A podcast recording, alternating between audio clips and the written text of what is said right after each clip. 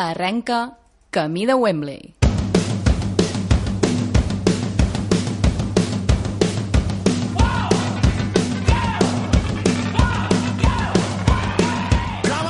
Sergi Ferragut i Cesc Camps presenten Camí de Wembley, un programa d'esports que no us deixarà diferents.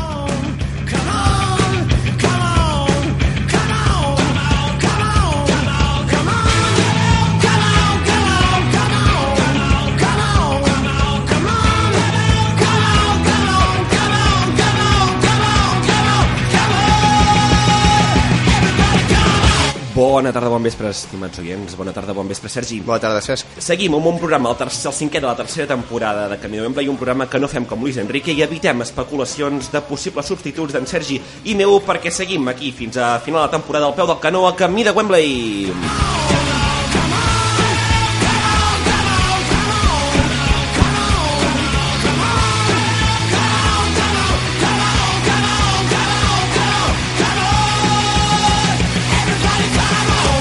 Un programa que dediquem exclusivament al futbol britànic perquè ens visita per via telefònica Lilie de la Mèdia Inglesa.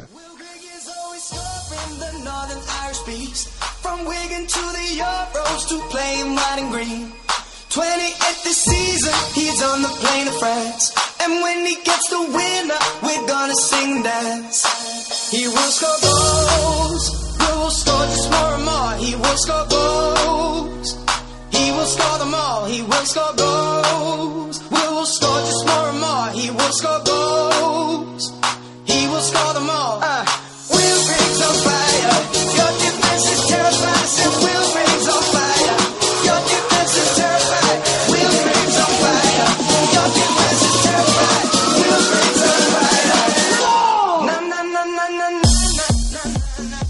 Will Griggs on Fire i ens acompanya des de anava des d'Anglaterra, no, des de Catalunya, però sí que un expert en el futbol anglès, Lili Oleart, el, el mànager, el no, no sé què dir-li, de la mèdia inglesa... El tot. el tot de la mèdia inglesa, com diuen Sergi. La mèdia inglesa, com ja sabeu, és un, és un Twitter, una pàgina web, una, una pàgina dedicada exclusivament al futbol anglès, i ens acompanya avui l'Elia via telefònica, ja no és la primera vegada que ens acompanyes aquí a Camí de Wembley. Gràcies per, per tornar a ser aquí. Ilie, bon vespre. Bon vespre, encantat d'estar amb vosaltres una vegada més. Què tal? Bé, estava pensant, ara quan sentia la, la melodia, pensava que Will Grigg en realitat no està massa on fire aquesta No, temporada. la veritat és que està passant per mal moments. Potser tindríeu que pensar en, en, en canviar la, la sintonia. La cançó, la cançó és prou bona per, Sí, per de moment sí, sí. aguant, aguantar fins a final de temporada.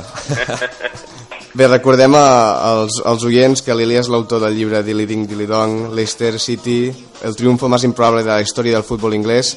Per tant, no podríem començar d'una altra manera a canalitzar aquesta destitució de Claudio Ranieri. Com ho veus? Sí, sí, eh, molta gent... Jo, la veritat, ho veig des d'una perspectiva diferent a la major part de, dels aficionats. Eh, per una banda, perquè ja feia moltes setmanes que ho estàvem esperant. Eh, la veritat és que és una destitució que estava, que estava cantada. I després eh, hi ha molts factors interns que no coneixem o coneixem només a mitges i que, i que ajuden a explicar una mica eh, el que ha succeït. Eh, L'altre dia al, al podcast de la mèdia inglesa eh, ho vam estar comentant en profunditat, vam estar 20-25 minuts xerrant precisament d'això. Eh, per començar, eh, Ranieri a l'estiu perd dos peces clau, una al camp i una fora. Al camp, lògicament, és N'Golo Kanté, com sap eh, tothom, uh -huh. i als despatxos és Steve Walsh, eh, una, una persona a qui dedico un capítol en el llibre que heu mencionat, i que és la persona que va detectar el talent de Jamie Vardy, Riyad Mahrez, el propi N'Golo Kanté, eh, i la marxa de Walsh a l'Everton eh, explica la caòtica política de fitxatges del Leicester aquesta temporada, eh, perquè han invertit molts diners, però molt pocs fitxatges han resultat. Eh, excepte Islam Slimani, jo diria que Ahmed Musa ha sigut una decepció, Papi Mendy ha sigut una decepció, Luis Hernández ja ni hi és, va marxar uh -huh. al, al gener, el jugador, el defensa, El defensa Màlaga, espanyol, sí. eh, i una mica s'explica eh, per aquí, no? I aquí es comença a frauar, aquí comença a frauar-se tot, ja a l'estiu. Després Ranieri, que a Anglaterra, des de la seva època al Chelsea, eh, va rebre el, el, el mote de Tinkerman. Tinkerman, eh, en anglès, és una persona, un entrenador que canvia molt de sistemes i de jugadors, eh, perquè el Chelsea constantment canviava. La temporada passada el Leicester no va fer honor a aquest, a aquest mote, però aquesta temporada sí. A la que han començat a, a, a haver problemes, eh, Ranieri ha tingut tendència a canviar constantment de sistema, d'equip, moltes vegades inclús per molèstia dels jugadors, sense ni tan sols entrenar el canvi de sistema ni avisar-los. Eh, ha transcendit que eh, el dia que van anar a jugar a Southampton, en Lliga, uh -huh. eh, Ranieri va informar els jugadors de que canviaven el sistema a un 4-4-2 en, en, en diamant, en rombo, eh, al, mateix, al mateix moment al vestidor. Els va dir, bueno, avui jugarem un 4-4-2 en rombo. Ningú sabia res, ni tan sols els seus assistents. Vull dir que Ranieri, ell mateix, contribueix a crear un clima en el qual els jugadors estan en contra, perden la confiança en ell, i inclús el seu, el seu, fins i tot el seu propi cos tècnic perd la confiança en ell. Eh, la qual cosa explica que després de la seva institució diguéssim, poca gent al club hagi sortit en defensa d'ell. Segurament o... és el més destacat, no? Que cap jugador li hagi mm. eh, agraït via xarxes socials, mm. via, via no sé com, eh, aquesta, tot el que ha fet per al, per al Leicester. Mm. Perquè no, sí, hi ha, no hi ha cap missatge de recolzament de cap jugador a xarxes socials. No, i els que ho han fet ha sigut una mica després de veure la reacció eh, externa, no? Diguéssim, eh, em de recordar que Riyad Marés va escriure un, un post a Instagram, però dos dies després. Uh -huh. O sigui, una mica dona la impressió que els jugadors que ho han fet ha sigut com a reacció a l'escàndol que s'ha muntat entorn al, al, al comiat de, de Ranieri. Però jo crec que Ranieri té la seva part de culpa, sigui, no dir-ho seria eh, mentir. Eh, ell va prendre decisions equivocades i després els propietaris, eh, clar, arriba un punt en què eh, molta gent diu, bueno, escolta, s'ha guanyat eh, arribar a final de temporada i si el club baixa que baixi. Bueno, sí, si el club baixa que baixi, sí, però avui en dia a Anglaterra, per començar, baixar a la Premier League són perdre molts milions de lliures, molts, perquè aquest any, recordem que aquest any ha entrat en vigor el nou contracte. Uh -huh. Sí, el nou repartiment. Sí, que significa que l'últim classificat s'endurà més que el tercer de la Lliga Espanyola. El tercer classificat a Anglaterra s'endurà més de 100 milions de lliures. Falta veure, falta veure, encara no ho sabem, és el primer any, però jo calculo que l'últim s'endurà 100 milions de lliures per temporada en drets de televisió. Eh, I clar, són molts diners. I després el Leicester té un altre factor que no s'ha mencionat prou. Eh, el Leicester està sent investigat per la Football League per irregularitats en, en, en, en les seves comptes la temporada que va ascendir. Eh, la Football League està investigant que el Leicester, la temporada que va ascendir, va falsejar una mica els comptes per complir les normes de joc net financer de Championship. Ja sabeu que hi ha unes normes de joc net financer a la Premier League, hi ha sí. unes a la UEFA, i la Football League té les seves també, eh, que estipulen que no pots tenir unes pèrdues superiors a X milions de lliures. Pues el Leicester, per no incomplir aquestes normes, va falsejar els comptes de forma que sortissin els números, però està en investigació. Vull dir que podria ser que si el Leicester baixés, estigués sotmès a un embargo de fitxatges, és a dir, que no pogués fitxar, a una sanció de punts, vull dir que no només, o sigui, baixar... No, no només seria baixar. factor econòmic, sinó que podia Exacte. ser la mort. Exacte, la mort, potser no la mort, Bé, però... Però, sí que, però sí que podria significar estar 3 o 4 temporades de segona divisió. Exacte. Perfectament. Eh, amb el que significa això de perdre diners, ja t'has perdut el contracte televisiu de la, de la Premier League perquè són per 3 anys, vés a saber el següent si serà milionari com aquest. Vull mm. dir que hi ha molts factors a tenir en compte i jo fins a cert punt, home, a mi Ranieri li tinc una, una gran estima, però em sorprèn la decisió i trobo que eh, té una certa part de lògica aquesta sorpresa esperada que ens comentes de la institució de Ranieri eh, sí que va ser eh, motiu de, de, de, de xarxes socials per, pels entrenadors, pels seus companys de, mm. de, de professió, no? Mourinho va, va recalcar que era una injustícia, que no podia ser... Fins i tot va sortir amb les inicials de la samarreta exacte. en, en homenatge, mm. Exacte. O sigui, o sigui els, els seus companys sí que, sí que li fan suport. Sí, el que passa que en el cas de, també Klopp ho va dir i sí. tal, eh, també el propi Guardiola, que va dir que era la gran la, uh -huh. elita que es recordaria d'aquí 50 anys. En el cas de Mourinho, hi ha una, hi ha una, una mica d'hipocresia, jo crec. Sí. Perquè, perquè, per començar, ja sabeu, el llibre s'explica també, no? Eh, però no eren precisament amics. A l'època a l'època d'Itàlia, eh, quan Mourinho estava a l'Inter, mm, va ser molt desagradable amb Ranieri. eh, Mourinho va dir alguna així com que era un perdedor, que va dir eh, amb 70 anys eh, no ha guanyat pràcticament res, no, no sap ni dir cinc paraules en anglès, i tot i que va estar 5 anys a Londres, vull dir, li va dir de tot. Eh, és cert que després es van reconciliar una mica, però no deixa de ser una mica hipocresia, i després trobo que Mourinho va aprofitar això per enviar-los un missatge als seus exjugadors del Chelsea, uh -huh. perquè ell mm, va deixar caure, lògicament, que, les seves, que això era comparable, o sigui, no, dient que Sí, no sí, era sí. comparable, ho va comparar, saps? O sigui, ell va dir, no, clar, el, el que li han fet no és comparable al que em van fer a mi al Chelsea. Sí, però ja ho has dit. Ja ho has dit, aviam si algú de- ho agafa. Exacte. Llavors va començar a rajar dels jugadors del Leicester, eh, que estaven més preocupats pels contractes, que estaven més preocupats per no sé què, per l'altre, eh, que al cap i a la fi no deixa de ser un missatge als jugadors que ell havia tingut al Chelsea. Sí, sí, I no a sempre part- s'ho fa venir bé. I a part lligat en què també els, els jugadors al partit següent de la destitució de Ranieri fan un partit recordant el Leicester de l'any passat. Per tant, també ells es posen una mica en, en, en entredit, els jugadors. Sí, jo, jo ho vaig posar, ho vaig dir abans del partit. Abans del partit ja vaig dir que si ara els jugadors del Leicester reaccionaven, quedarien com uns traïdors, com que li havien fet el llit, com es diu eh, comúment, Sí. i si no reaccionaven, pues, confirmaven que el problema no era Ranieri. Vull dir que fos d'una forma o d'una altra, Sortien perdent. sortien perdent. I acabant amb, Ja. aquest, i- perdó, i acabant amb aquest Sí, tema sí. de Ranieri, eh, segurament eh, el fan fora en un moment que tampoc acaba d'estar fora de la Champions, perquè el partit de Sevilla el deixa amb, amb, amb, amb el poder per, per jugar-s'ho a casa. Mm. Això ha sigut, això ha sigut eh, eh, l'únic... el- Això ha sigut el més sorprenent, el timing. El timing. Jo crec que tots esperàvem que això podria passar. Jo esperava que passés abans, abans, la veritat. Eh, però fer-ho, eh, com dius tu, al mig d'una eliminatòria de Champions és molt estrany. És molt estrany. Eh, jo crec que aquí es van precipitar els aconteixements. Jo crec que va haver una reunió, això sí que no he pogut confirmar amb fonts directes, eh, però, però sí sé de, de gent que ho sap de primera mà que va haver una reunió després de lo de Sevilla amb el propietari, amb alguns jugadors, i li van dir que no, que no, que no ho veien, que no veien seguir amb, amb Ranieri, i això va provocar el propietari prengués la decisió en aquell mateix moment, de forma que quan Ranieri va arribar dijous a Anglaterra li van dir, li van informar directament, escolta, mm, no segueixes. Però, però timing és veritat que és, és molt estrany, i sobretot quan, com bé dius tu, un partit que mm, sembla que el Leicester, mm, eh, diguéssim, s'estava recuperant una mica, perquè un 2-1 al camp del Sevilla, per mi és un gran resultat, tal i com va venir el Leicester, jo m'esperava un 3-0, un 4-0. Sí, sí, I tranquil·lament. no, I no pel partit, perquè el partit, la primera part, el Sevilla li passa molt per sobre, però la segona, als últims minuts, a partir del gol, el Leicester recorda el Leicester de la temporada Sí. passada.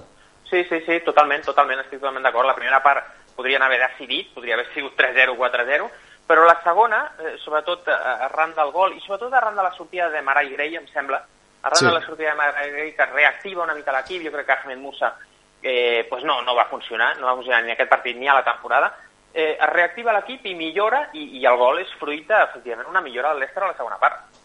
Una última pregunta en relació a això, en aquest cas més, més personal. Uh, hauries canviat la, la portada del llibre si haguessis sabut que Ranieri... És a dir, recordem que a la portada del llibre hi ha Riyad Mahrez i, i Jamie Vardy. Hauries inclòs uh, uh, Ranieri a la portada? Mm, eh, eh, és una bona pregunta, la veritat no, no, ho, he, no ho he pensat. Eh, la qüestió per mi seria intentar esbrinar quin percentatge de mèrit té cadascú en el triomf de l'any passat.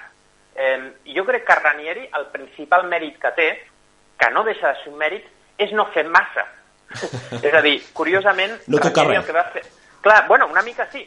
Curiosament, el que, el que fa bé Ranieri la temporada passada és donar molta llibertat als jugadors, una mica la famosa autogestió que s'havia comentat, per exemple, d'entrenadors com Del Bosque, recordareu, Del Bosque, sobretot uh -huh. a l'època de a l'època del Real Madrid, amb moltes estrelles, que una mica pues, deixava viure a tothom, no? Eh, I una mica el vestuari s'autogestionava. I jo crec que eh, Ranieri va fer una mica això. Que si les Eh, pizzas, que si... Exacte, sí, sí, sí, però que té mèrit. Vull dir, Sí, a sí. vegades no fer, o sigui, és a dir, no fer és una decisió també. Mhm, és a dir, no és només la decisió de fer això, no, no, decideixo no fer res. I ell això ho fa bé. Eh, ara, clar, jo trobo que eh, la forma de d'Engolo Kanté, de Riyad Mahrez, de Jamie Vardy, eh, clar, això jo no sé fins a quin punt Ranieri té el mèrit de que juguin la temporada de la seva vida. Es van donar exactament. Una, part, una part la té, una part la té. Es van donar Però moltes potser- circumstàncies en una temporada Exacte. i totes allà mateix. Vull dir, és Exacte. molt exacte. curiós. Començant per la persona que mencionava abans, Steve Walsh, que és el que porta aquests jugadors, uh Mhm. -huh. per un preu mòdic, amb la qual cosa, bueno, és, jo crec que és un esforç col·lectiu, no? Un esforç col·lectiu difícil d'atribuir mèrit, jo crec que la portada està bé com està. Candidats a substituir Ranieri? Pues es mencionen molts. L'últim que sembla que agafa força, perquè molt, molt, molts, molts entrenadors no volen agafar l'equip, li van oferir a Roberto Mancini, va dir que no. Eh, es mencionava Gus Hiddink, Gus Hiddink tampoc ho veia massa, eh, possiblement perquè Gus Hiddink està una mica fart d'agafar equips, com va fer, ha fet amb el Chelsea dues vegades, a final de temporada, no? Potser eh, està pensant, a veure si algú m'ofereix una feina a l'agost. Sí, sí que és cert, però, que el Leicester ha canviat una mica el perfil d'entrenador ja, eh? Uh, ser Sí. de... O sigui, abans de Ranieri eh, és un Perfil difícil, més baix. És difícil Sí. recordar un entrenador del Leicester i a partir d'ara ja es busca doncs, un, un entrenador Cares amb nom, conegudes. un entrenador amb, amb renom en el, en el mercat futbolístic. Sí, sí, de fet et diria que amb renom, potser des de l'època de Martin O'Neill fins a Ranieri, que diguéssim, encara que és cert que venia d'un fracàs de la secció grega, té un, té un currículum uh -huh. considerable, no hi ha hagut grans, grans entrenadors, no? Eh, I ara és veritat que, clar, home, ets, ets el campió de la Premier League, pots aspirar a molts entrenadors, no? I ara sembla que l'últim que té força és Roy Hodgson, eh, que a mi em semblaria... Bueno, eh, bueno No- no és una mica el perfil, és una mica el perfil de, de Ranieri, no? un senyor molt gran, eh, que ha aconseguit molts èxits en el passat, però no recentment, des de l'O, eh, i és l'últim és l'últim que, es, que es menciona, no sé, jo, home, si Ranieri va tenir èxit, doncs mira, perquè Roy Hodgson eh, no pot tenir-lo, tot i que també et diré que no és descartable que continuï Craig Shakespeare fins a final de temporada. Eh, sobretot en funció de com vagi el partit contra el Hull City d'aquest cap de setmana, que és absolutament decisiu. Jo dic una cosa, jo crec que si Craig Shakespeare eh, guanya aquest cap de setmana, crec que té moltes chances de seguir fins a, fins a final de curs. Ull que no segueixi, ull, ull que no soni Sam Allardyce a gestionar aquest do, doble equip, eh? Crystal Palace i Leicester, que seria... Home, és l'únic que li falta per fer, pràcticament, ja. per això, per això mateix, per això mateix. Uh, bé, el, dèiem que Leicester es va guanyar en el debut de, de Shakespeare a la banqueta eh, davant del Liverpool, un Liverpool que, que sembla que pràcticament ha tocat fons. Sí, la veritat és que el Liverpool està en una... Eh, porta un 2017 absolutament desastrós. Recordareu que va guanyar, va guanyar el Manchester City uh -huh. el dia de cap d'any, De cap d'any, exacte. el 31 de desembre, des de llavors no ha aixecat cap, no ha aixecat cap, incloent eliminació a semis de la Copa de la Lliga, incloent eliminació a casa contra els Wolves de segona divisió a la FA Cup i, per suposat, un, un, un seguit de derrotes a la Premier League, com per exemple del Swansea a, a casa, sense anar més lluny, eh, molt sorprenents, no? I aquesta última del Leicester, sobretot per la forma, perquè al camp del Leicester, escolta, al Manchester City li van fotre quatre gols, però és la forma. O sigui, realment li van passar per sobre. Li van passar per sobre. Eh, jo crec que aquí, en el cas de Liverpool, es barregen diversos factors. Per començar, hi ha un evident, que és que aquest planter li falta qualitat. Per mi això és evident. Hi ha molts Eh, jugadors que no, que no, no poden jugar titulars, com Clar. per exemple Lucas Leiva és un desastre. Sí, bueno, clar, eh, efectivament. Bueno, I està jugant molts minuts, jo pensava que seria el 25è home i està sent titular de central. El, el, el, mira, si voleu, rà- ràpidament per posicions, molt ràpidament. Eh, la porteria, Carius no ha funcionat, ja ha acabat jugant Mignolet. Sí, és... Criticat Clar. durant 4, 4 anys seguits. Sí, exacte, i ha acabat tornant a jugar. De lateral esquerre està jugant James Milner, que en realitat és un mig centre que ha passat mitja carrera jugant d'interior dret i ha acabat de lateral esquerre. Però és que la competència que de Milner no, no és gaire bona. És Alberto Moreno, que està Clar. també... que no, no ha funcionat al Liverpool. Clar, per això, imagina't, imagina't com és Alberto Moreno que acaba jugant James Milner. Mhm. Vull dir, imagina't. Eh, el, el, el, el central, el que mencionava, el Lucas Leiva, mm, perquè han vengut amb Mamadou Sakho, que això sí que és una mala gestió de Klopp. eh, Klopp Sí. es va emprenyar amb Mamadou Sakho al, a l'estiu, imagina't a l'estiu, l'han aguantat fins al gener, en què ha acabat marxant al Crystal Palace. Mira, jo entenc que per disciplina diguis, mira, Mamadou Sakho, has arribat tard mm, 14 vegades seguides, no pots seguir a l'equip. Bueno, ho entenc, però no el venguis si no tens un recanvi. O sigui, el que és absurd és vendre Mamadou Sakho per acabar posant a Lucas Leiva de central. Lucas Leiva mati, mala- perquè la, la, el, el company de Lucas Leiva tampoc és el que... És, és, eh, no està donant un bon rendiment, Matip. No, bueno, jo l'altre dia mm, ho vaig posar a Twitter i em vaig trobar amb una sorprenent reacció de molts fans del Liverpool que deien que el, que el dolent era l'Obren i que Matip, que, bueno, que era un gran, era un gran central. A mi em sembla que l'Obren és millor Matip. És, En jo crec que és l'únic central que, que té, la, que Sí. talla. Jo també, jo també crec. En tot cas, Ragnar Klavan tampoc ha funcionat, eh, que no és molt sorprenent. Jo crec que venia a ser el tercer o el quart central. Sí. Eh, però bueno, jo crec que aquí, la, diguéssim, eh, es tenien que jugar el, el, la posició l'Obren, Matip, eh, Sako, i al final ha acabat jugant l'Eiva. Uh -huh. que, clar, és, és dramàtic. Eh, llavors, i la resta de posicions, bueno, jo crec que estan apanyades, eh, han notat molt el Liverpool, lògicament, la baixa de Sadio Mané durant la Copa d'Àfrica, clau, Sí, la lesió de Coutinho, lesió de les, Coutinho. les dues coses que s'han gairebé superposat Sí, i que sí. també han influït en... I segurament que Mira. Fer, i Firmino tampoc està ara en, en, en un bon moment. Aquí vaig, i finalment vaig a la posició del davanter centre. És que clar, fixeu-vos que són posicions claus. Hem parlat dels porters, dels centrals, del davanter centre. És que clar, és impossible així. Eh, Firmino no és un davanter centre. No. Està jugant com de fals nou i tal, i bueno, l'home fa el que pot. Però clar, porta, parlo de memòria, de portar 8 gols en Lliga. Sí, 8. I tot, i tot això amb de- Starridge a la banqueta. Clar, perquè Starridge mm, és un jugador que viu constantment lesionat. Ell diu que és perquè té antecedents jamaicans i les fibres ràpides i no sé què. De veritat que ho diu, eh? no m'ho invento. Les fibres ràpides, no sé què, i amb lesió només. Bueno, la realitat és que Starridge, des de la temporada famosa amb, Lu amb Luis Suárez, que va marcar 21 gols, no ha tornat a fer absolutament res.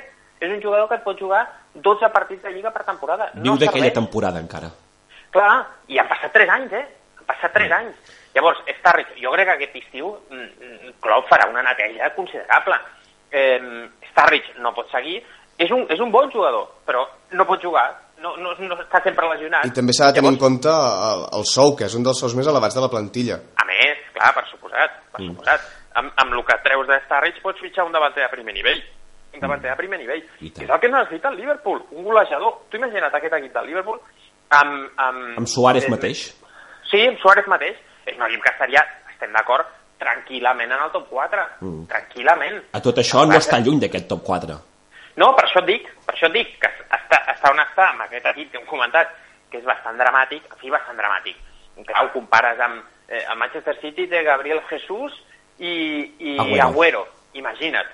eh, més, per suposat, que l'Echigea Nacho, un dia pot jugar De Bruyne, el que vulguis. Eh, el, el mateix Arsenal té Giroud a la banqueta, Sí. més, més Lucas, més Alexis, que és el que està jugant, i que porta 15 o 16 gols. Eh, a l'Everton té a Lukaku. Mm. És que clar, estem parlant que el propi rival ciutadà té un davanter molt més potent. Escolta, mm, és que no sé, van vendre a Christian Benteke, jo crec que Benteke deu portar més gols que Firmino. No, sí, crec que em porta, em porta 9 o 10, eh, ja. Per això et dic, Sí, per sí. això et dic.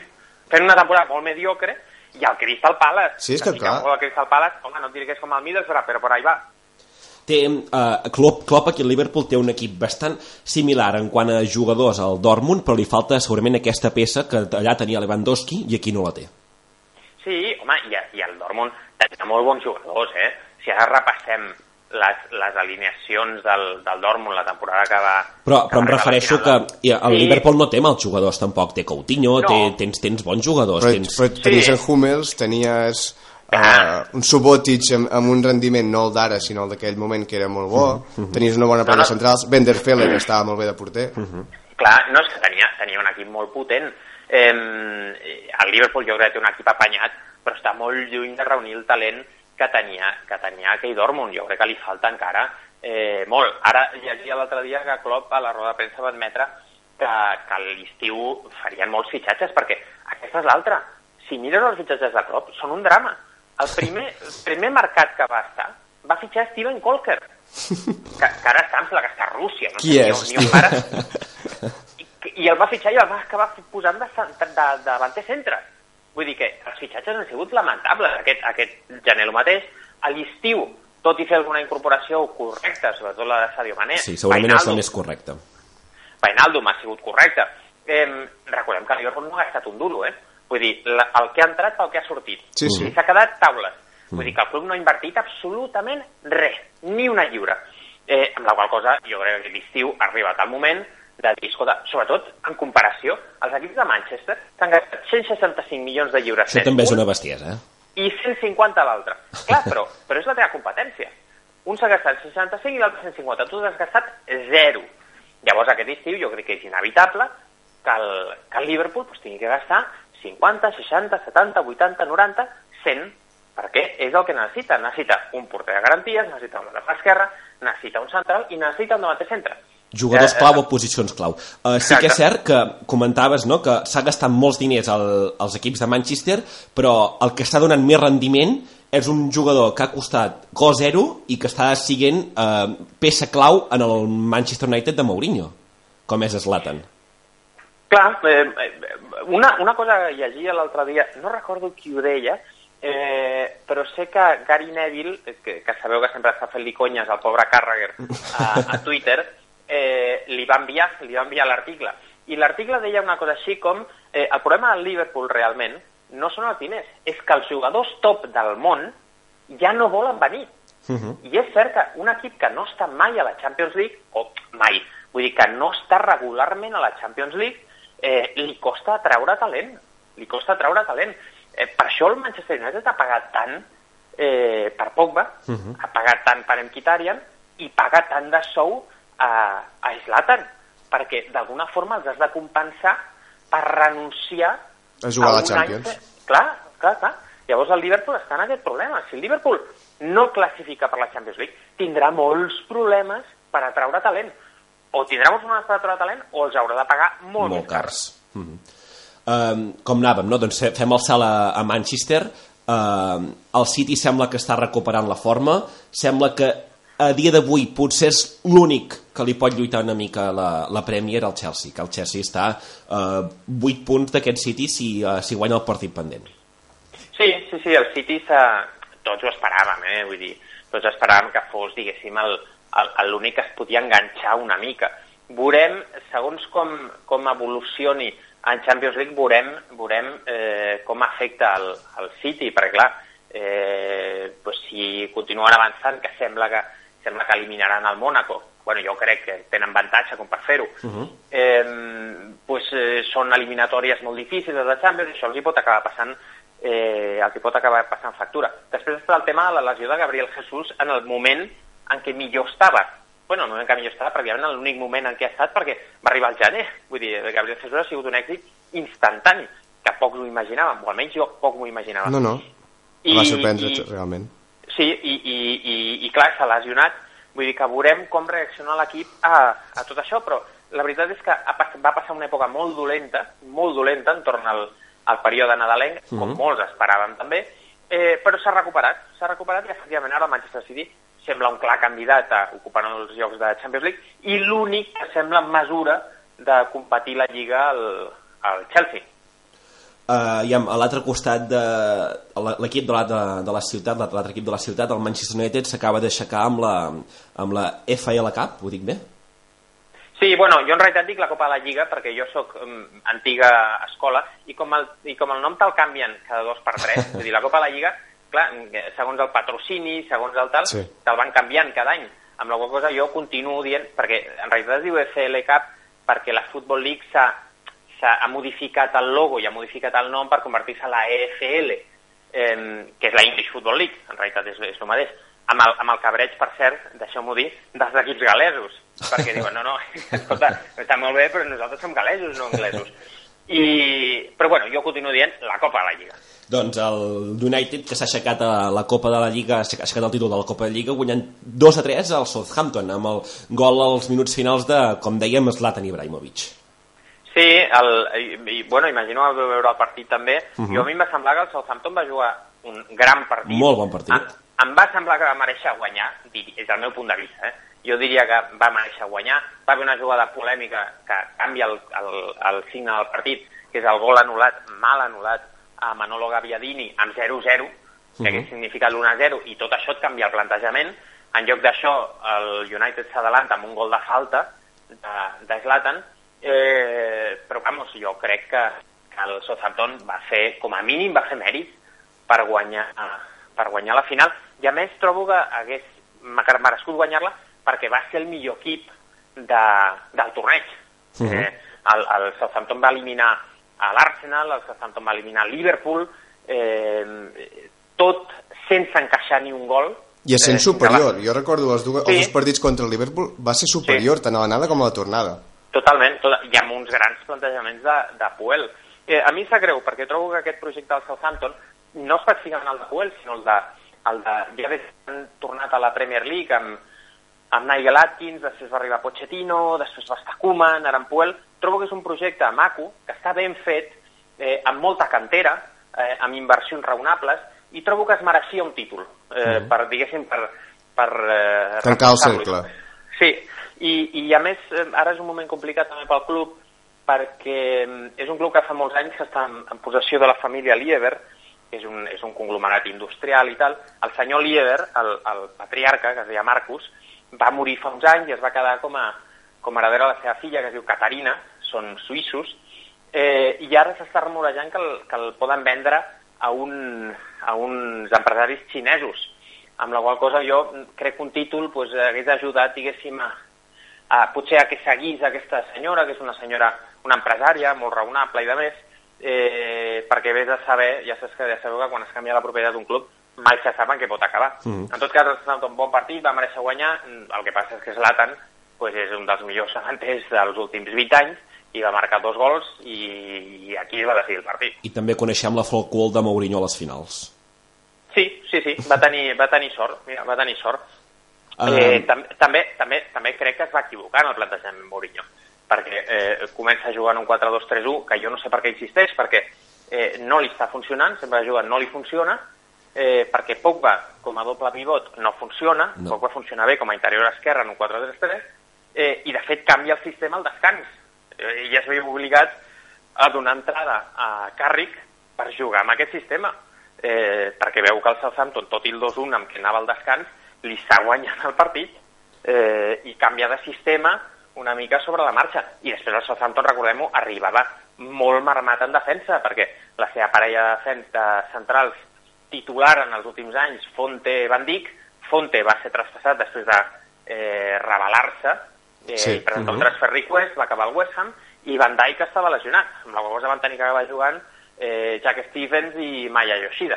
Amb la qual cosa, clar, un equip que es basa molt en la defensa, perdre els teus dos centrals és molt complicat. Uh, seguim amb aquest repàs d'equips de la Premier perquè eh, ja ho hem mig comentat, però el Chelsea té bastant clar aquest títol. Sí, jo crec que, jo crec que sí. Eh, ja ni tan sols et diria pels punts, que has mencionat tu que eren 8 punts, ja no diria ni pels punts, sinó per la solidesa absolutament brutal d'aquest equip de, de Conte, que és implacable. O sigui, I és que, des, I que des que ha canviat el sistema només ha perdut un partit. Des de que ha posat Sí, sí. tres centrals, només un partit ha perdut. Sí, de fet hi ha una, hi ha una cosa curiosa, no? jo, jo sempre ho comento. Eh, quan per fi Wenger aconsegueix vèncer la seva bèstia negra, eh, que és el Chelsea, és per crear una màquina implacable que li treu la Lliga. És a Aquell, dir, la, la primera part d'aquell Arsenal és espectacular. sí, eh, efectivament, aquella, aquell partit a l'Emirates en Lliga acabat 3-0 al descans, Mhm. Arsenal 3, Chelsea 0, Conte al descans decideix passar a defensa de 3 i la resta, com se sol dir, és història. Com tu has dit, només per un, un partit més eh, i Que és a White Hart Lane, no? Que és a White Hart Lane, efectivament, que és també un... un, un, Un un s'ha tornat la bèstia negra una mica també, Ahà. perquè recordareu que a més va ser unes dates similars a aquell famós 5 a 3 Sí senyor, Eh, que va- el de l'any que passat, va- sí senyor. que va ser un 1 de gener, si Sí, no senyor, recordo sí, senyor, malament. sí, senyor. Va ser un 1 de gener. Eh, I s'ha tornat una mica la bèstia negra, no? El, el, el Tottenham, la veritat és que el Tottenham, eh, en fi, és un, és un equipàs, però eh, també va guanyar el, el Manchester City, també li va fotre un bon, un bon repat a West Ham aquesta temporada. Eh, dèiem del, del Chelsea, s'ha tornat una màquina absolutament in, implacable, ni tan sols el rumor sobre costa, no costa, eh, han aconseguit desestabilitzar el club i, i la veritat dona la impressió que tot funciona, tot funciona bé, està en un moment en què tot funciona. Fins i tot Fàbregas sembla que torna a funcionar. Sí, sí, sí, sí, sí no, no, eh, l'altre dia va jugar, diria que va ser en Copa, va jugar Pedro de Carriler eh, i va marcar un gol i va jugar un partidàs, eh, Víctor acaba, que acaba de renovar, mm, és un jugador que estava totalment apartat de l'equip i, i, ara, i ara sembla, vamos, sembla... Indispensable. Sí, sí, és al·lucinant com ha, com ha recuperat gairebé exjugadors Sí, com sí, sí. Cesc, el que deies Pedro, Moses, Mm. fins i tot sembla sòlid David Luiz. Sí, sí, sí. Estan veritat, passant és coses eh, extraordinàries. Són senyals que, que fan indicar que, que guanyarà segur la Lliga, si no, no, no, Sí. no pot passar això. Més, Sí, que, sí, més sí. que el Chelsea guanyar la Lliga, eh, l'hauria de perdre ell perquè la guanyés algú altre. Totalment, totalment, totalment d'acord. Eh, només la podem perdre ells. Només la podem Seguim, perdre ells. seguim amb bons moments d'equips perquè l'Everton també està en un moment rodó. Sí, l'Everton, de fet, ara mateix l'equip més en forma de la Premier League. Eh, L'Everton l'altre dia mirava les xifres eh, dels últims nou partits, si no recordo malament, nou partits, l'Everton és el que ha sumat més punts en les últimes nou jornades. Vull dir que és un, és un marge ample, no, no estàs dient, mira, encara han tres resultats, no, no, estem parlant de nou jornades. Eh, la veritat és que l'Everton està, està llançat, la veritat és que l'Everton està llançat, Lukaku en, en plena forma, Barkley que ha recuperat, ha recuperat sensacions i sobretot dos nanos joves que eh, ens estan entusiasmant. Espectacular, estan eh? entusiasmant. Eh, un és Ademola Lukman, bueno, i diu que li, diuen, li diguin Mola, per abreviar, Mola Lukman. Eh, clar, en castellà, català queda una mica raro, però eh, el cas és que Ademola Lukman, que ja n'havíem parlat a la media inglesa, fa més d'un any, fa més d'un any, vam fer un article sobre els millors jugadors sub-21 Quin ull clínic li he. Del país i estava de Mola Lukman ja n'estàvem parlant a l'època perquè era, ja estava destacant molt Uh -huh. fitxat aquest gener i l'altre és un noi de la cantera absolutament fabulós que es diu Tom Davis Que fa Tom un, Davis, fa un golàs uh, contra el City, crec recordar. Sí, sí, sí. Que és I té 18 espectacular. Bueno, en general el partit és un espectacle. Sí, 18 anys, eh? Tom Davis, 18 anys. Que fins fa poc tenia un rècord, ara no sé, no l'he seguit, eh? El, si, si encara el té o no, no diria que ja li han marcat a l'Everton. Però em sembla que va acumular 6 o 7 partits que l'Everton no rebia ni un gol quan ella estava al camp. Eh, és un migcampista, molt recorregut, eh, i jo diria, m'atreviria a dir, eh, eh, potser amb, amb permís de Ross Barkley, és el millor jugador que surt de la cantera de l'Everton des de Rooney. Sí. Potser amb permís de Barkley, veurem, veurem on arriba cadascun. Barkley no ha acabat però- de fer el salt. Clar, per això et dic, eh, veurem, no? Però, però perquè la gent es faci una idea, eh, diria que Rooney eh, emergeix, debuta l'any 2002, si no recordo malament, Ahà. han passat 15 anys. Vull dir, imagina't el que t'estic dient, eh, el millor, el, el, el, diguéssim, el, el jugador del planter més prometedor dels últims 15 anys, de l'Everton. Uh, llavors ens en anem també, m'agradaria apuntar el moment, el bon moment que té el Barley a casa, que no ha perdut, o em sembla que ha perdut un o dos partits com a molt en tota la temporada, i Turf Morph s'està convertint en un fortí, diferent de fora a casa, que no, no guanyen cap partit. Sí, sí, sí. És, és una cosa molt, molt curiosa. La veritat és que ha ajudat per, pel seu públic, ha ajudat per les dimensions del camp, per l'estat del terreny de joc. La veritat és que Torfmore s'ha convertit en l'estadi més difícil, fora del top 6, sens dubte és l'estadi més difícil de visitar. Fins i tot el Chelsea empata, no fa gaire. Sí, sí, sí, sí. I, i, guanyen el, i guanyen el Liverpool sense anar més lluny, 2 a 0. Em, la veritat és que han, han fet una, una magnífica feina a casa. Jo del Barley m'agradaria destacar eh, Sean Ditch, eh, que recordem, eh, aquest sí que és un bon cas de, de paciència i de confiança en el futbol. Sean Ditch puja al Barley, eh, fa dos tempo no, sí, fa dos temporades, juga eh, en Premier League, baixen, per suposat, continua l'equip i el torna a pujar. És a dir, que... Eh, La mateixa Ditch, temporada que baixa, no? Sí, sí. Vull dir que Sean Ditch va fer eh, Championship ascens, Premier League descens, Championship ascens, i ara sí que sembla que serà capaç de mantenir a l'equip. Jo una cosa vaig criticar del Barney l'última vegada que va estar a la Premier League, fa dos anys, va ser que el club, diguéssim, no va invertir en continuar progressant.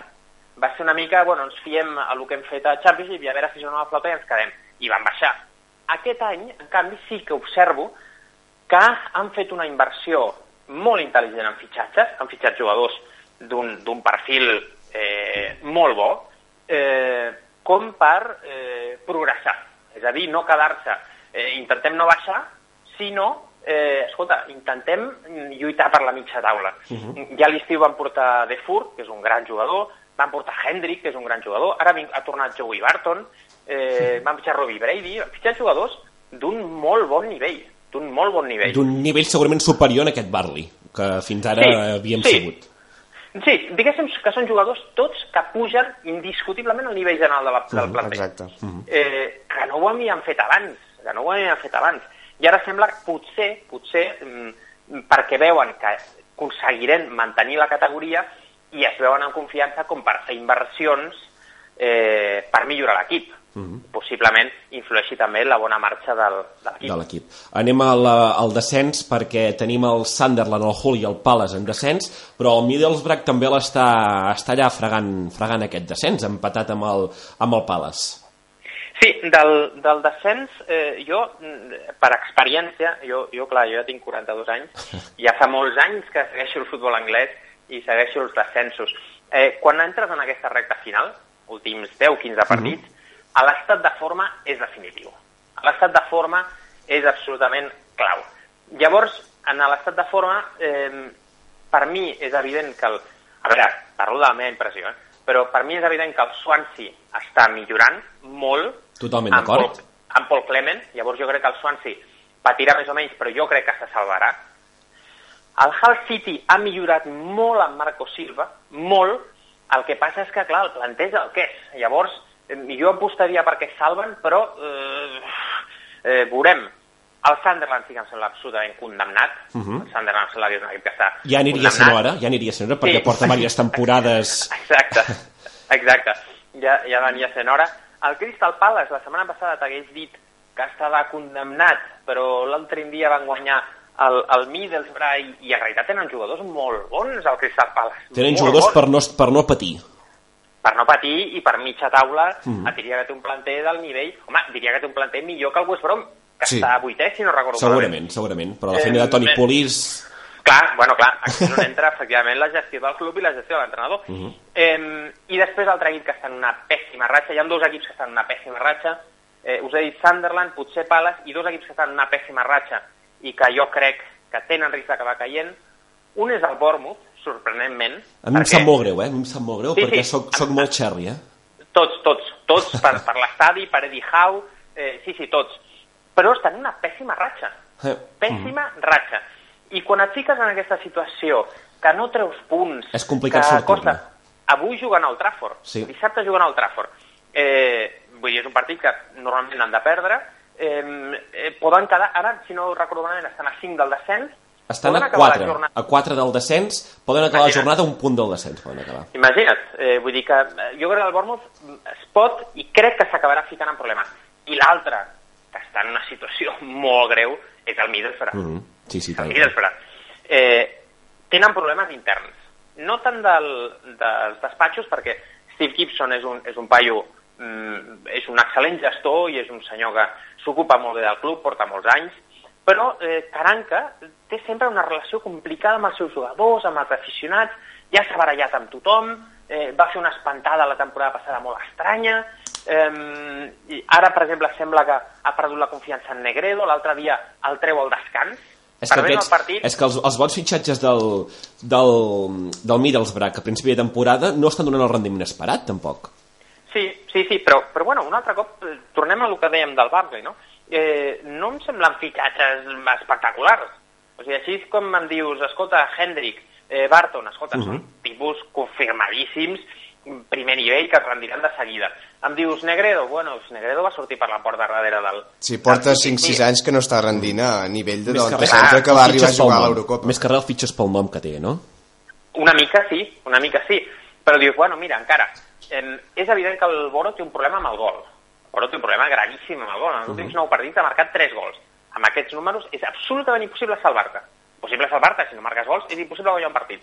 eh, I fitxen dos davanters al gener, que són Patrick Bamford, eh, que és un nano jove que, que va, li van haver una sessió al Boro fa uns anys, però que des de llavors no, no ha aconseguit sortir endavant, eh, que el propi Caranca ja ha dit que no està preparat per jugar encara a l'equip a la Premier League, vull dir que sigut un jugador que de moment no et servirà, i l'altre és Rudi Gestet, que és un jugador que era suplent a l'Aston Villa, i que ara serà el titular, perquè mm. si Negredo està a la banqueta tindrà que jugar Rudi Gestet. Us dono només una dada perquè us doneu una idea del drama del Boro. Rudi Gestet és un jugador que porta seguits 36 partits de Premier League sense guanyar. És a dir, els últims 36 partits de Premier League que ha jugat... És evident no que era l'home a fitxar. Ni un.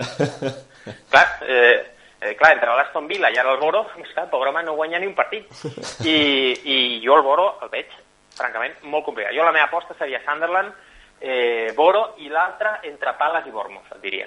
Esperem que sí. El Palace, doncs, uh, aquesta setmana, aquest cap de setmana a Premier hi ha un interessantíssim Liverpool-Arsenal, Uh, i també hi ha un, bon, hi ha un bon partit entre el Tottenham i l'Everton veurem també com duel, du, duel de dues bones ratxes entre el Tottenham i l'Everton que pot o um, fer que el Tottenham deixi de lluitar definitivament per la Premier o posar l'Everton a lluitar per la, per, la, per la zona europea Sí, sí, sí, i a més dos, dos equips que destaquen per la joventut eh, possiblement sobre el camp veurem molts jugadors... El futur anglès, eh, segurament. Sí, sí, sí, veurem molts jugadors menors de 23. Uh -huh. eh, parlo de memòria, però mm, Kane, Dele Alli, eh, Eriksen, eh, Harry Winks, que segur que apareix a la segona part, el bon que hem mencionat Tom Davis, Ross Barkley, Lukaku, Mola Lukman... Vull dir, hi ha una quantitat de jugadors joves... Fins tot Dyer potser té, és sub-23. Sí, sí, sí, sí, sí, sí, sí, sí, segur, segur.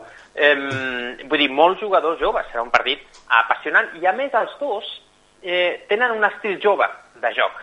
Eh, molta pressió, molta intensitat física, vull dir que jo crec que serà un partit divertidíssim. I com bé dius, el Tottenham que busca Eh, jo crec que la Lliga, jo crec que és molt difícil, van perdre una bona oportunitat la temporada passada, en aquesta és molt difícil, busquen eh, lligar la Champions League, uh -huh. que seria un èxit, uh -huh. un èxit absolut per Pochettino, i l'Everton busca enganxar-se, que no és impossible, enganxar-se a la Champions League. Més que res per no com és... està el Liverpool i per com està l'United. Clar, exacte, no és impossible. I com està l'Everton, que havíem comentat exacte. que té una ratxa fantàstica. Exacte. Vull dir que no seria descartable. Jo crec que si l'Everton guanya aquest partit, que és molt difícil, si guanya aquest partit, jo no el descartaria, Però, perquè, sí, sí. a més, a més, es ve un derbi de Merseyside apassionant. Parlo de memòria, diria, és l'1 d'abril. L'1 d'abril hi ha un derbi de Merseyside que pot ser, pot ser antològic, perquè poden estar els dos lluitar per la Champions.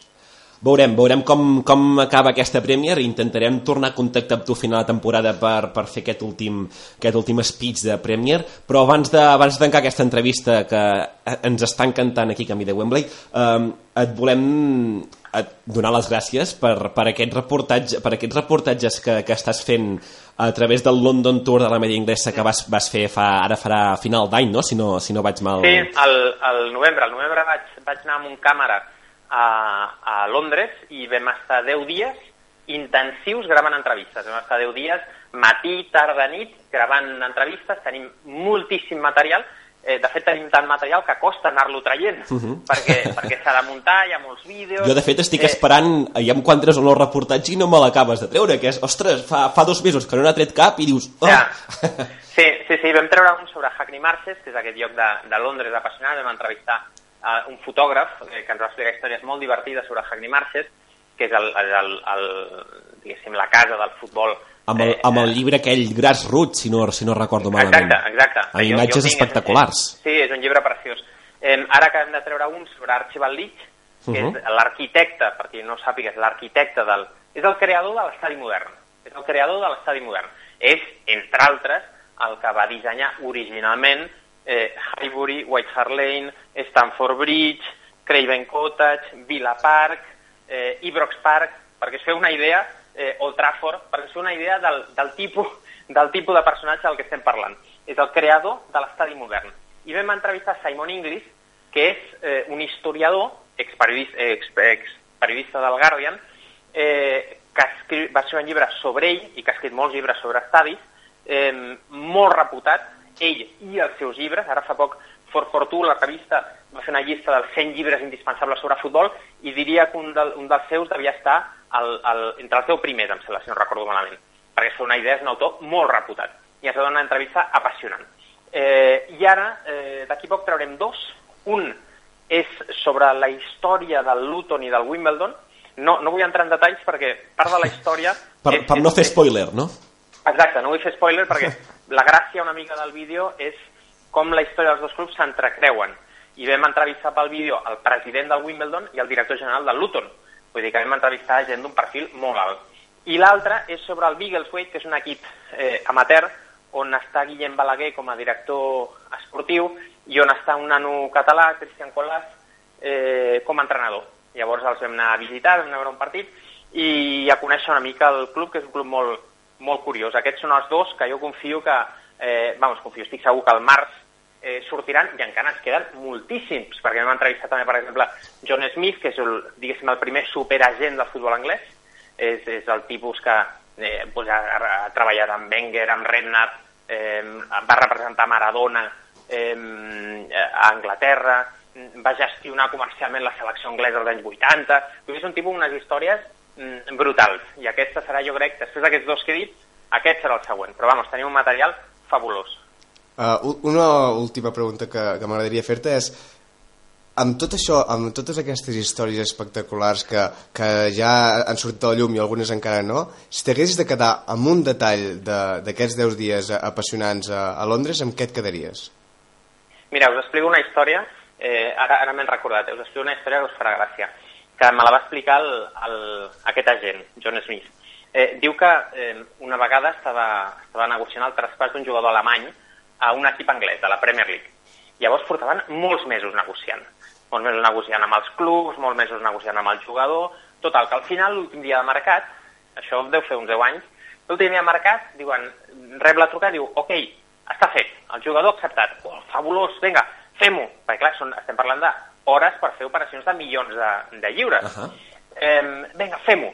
Llavors, eh, truca al jugador, a la gent, y le digo, oye, eh, ya tengo reservado el, el jet para que, para que vueles a, a, Inglaterra. Y digo, no, no, jet no, digo, yo, yo voy a ir en, en, en, en barco. Digo, pero ¿cómo en barco? En barco no, no llegas. Y yo, sí, hombre, si es que me tengo que llevar a mi perro. Digo, bueno, tu perro, mmm, tu perro ya llegará. Digo, y además, y además, ya sabes que el perro tiene que pasar una cuarentena. Y, y llavors el jugador alemany li, li va dir, com cuarentena? Y digo, sí, hombre, claro, los animales, cuando los llevas a otro país, tienen que quedarse unos días, en, digamos, en una aduana para controlar que no tienen enfermedades, que no tienen tal, no sé qué. Total, que el jugador alemany li va dir, pues dejémoslo, porque yo sin mi perro no voy. I llavors el, el, a la gent, a la gent, perquè vegis, eh? Estem parlant d'operacions de 10 de... milions de lliures. Boa, boa. Que tu t'estàs jugant un per tu, per la teva butxaca. Llavors, el, a la gent diu, clar, jo vaig començar a trucar a tothom. O sigui, a veure si, a veure si per exemple, la quarantena, ell podia anar a veure el gos. Diu, oye, puede hacer la cuarentena y ir a verle. Inclús van a intentar negociar que fes la cuarentena a casa de l'alemany. És a dir, oye, si montamos una jaula especial acondicionada, metemos al perro dentro y hace la cuarentena ahí a domicilio, ¿sabes? Como un tipo arresto domiciliario, hace la, la cuarentena tal... Y claro, los de inmigración decir, oiga, usted, usted está loco, la cuarentena al perro la tiene que hacer, la tiene que hacer. Total, que l'alemany es va negar en rotund a, a deixar el seu gos a Alemanya. I llavors es va trencar el fitxatge. Déu-n'hi-do, déu nhi déu històries històries apassionants i divertidíssimes en, aquest, en aquests reportatges que trobem a la Mèdia Inglesa, eh, com també són aquestes píndoles que vas penjant el dia a dia del el diari de London Tour, que també mm. són, brillants. són, són píndoles brillants, com diu, com diu en Sergi. I bueno, sí, la, la, la idea era fer una mica de, no?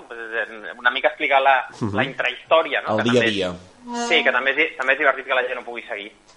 Uh, D'acord. Ilie, moltes gràcies. Uh, ens encanta parlar de futbol, ens encanta parlar de futbol anglès i que ens acompanyis també aquí camí de Wembley. Uh, tornarem a contactar, espero que a final de temporada per uh, saber si és el Chelsea el campió de Lliga o hi ha hagut sorpresa, per saber qui ha baixat. Uh, gràcies per aquesta gairebé hora uh, de, de futbol i d'històries divertidíssimes. Et deixem amb aquest uh, United Bournemouth del dissabte, mm. del dissabte al migdia i aquest apassionant cap de setmana de futbol anglès. Moltes gràcies. Gràcies a vosaltres, un plaer.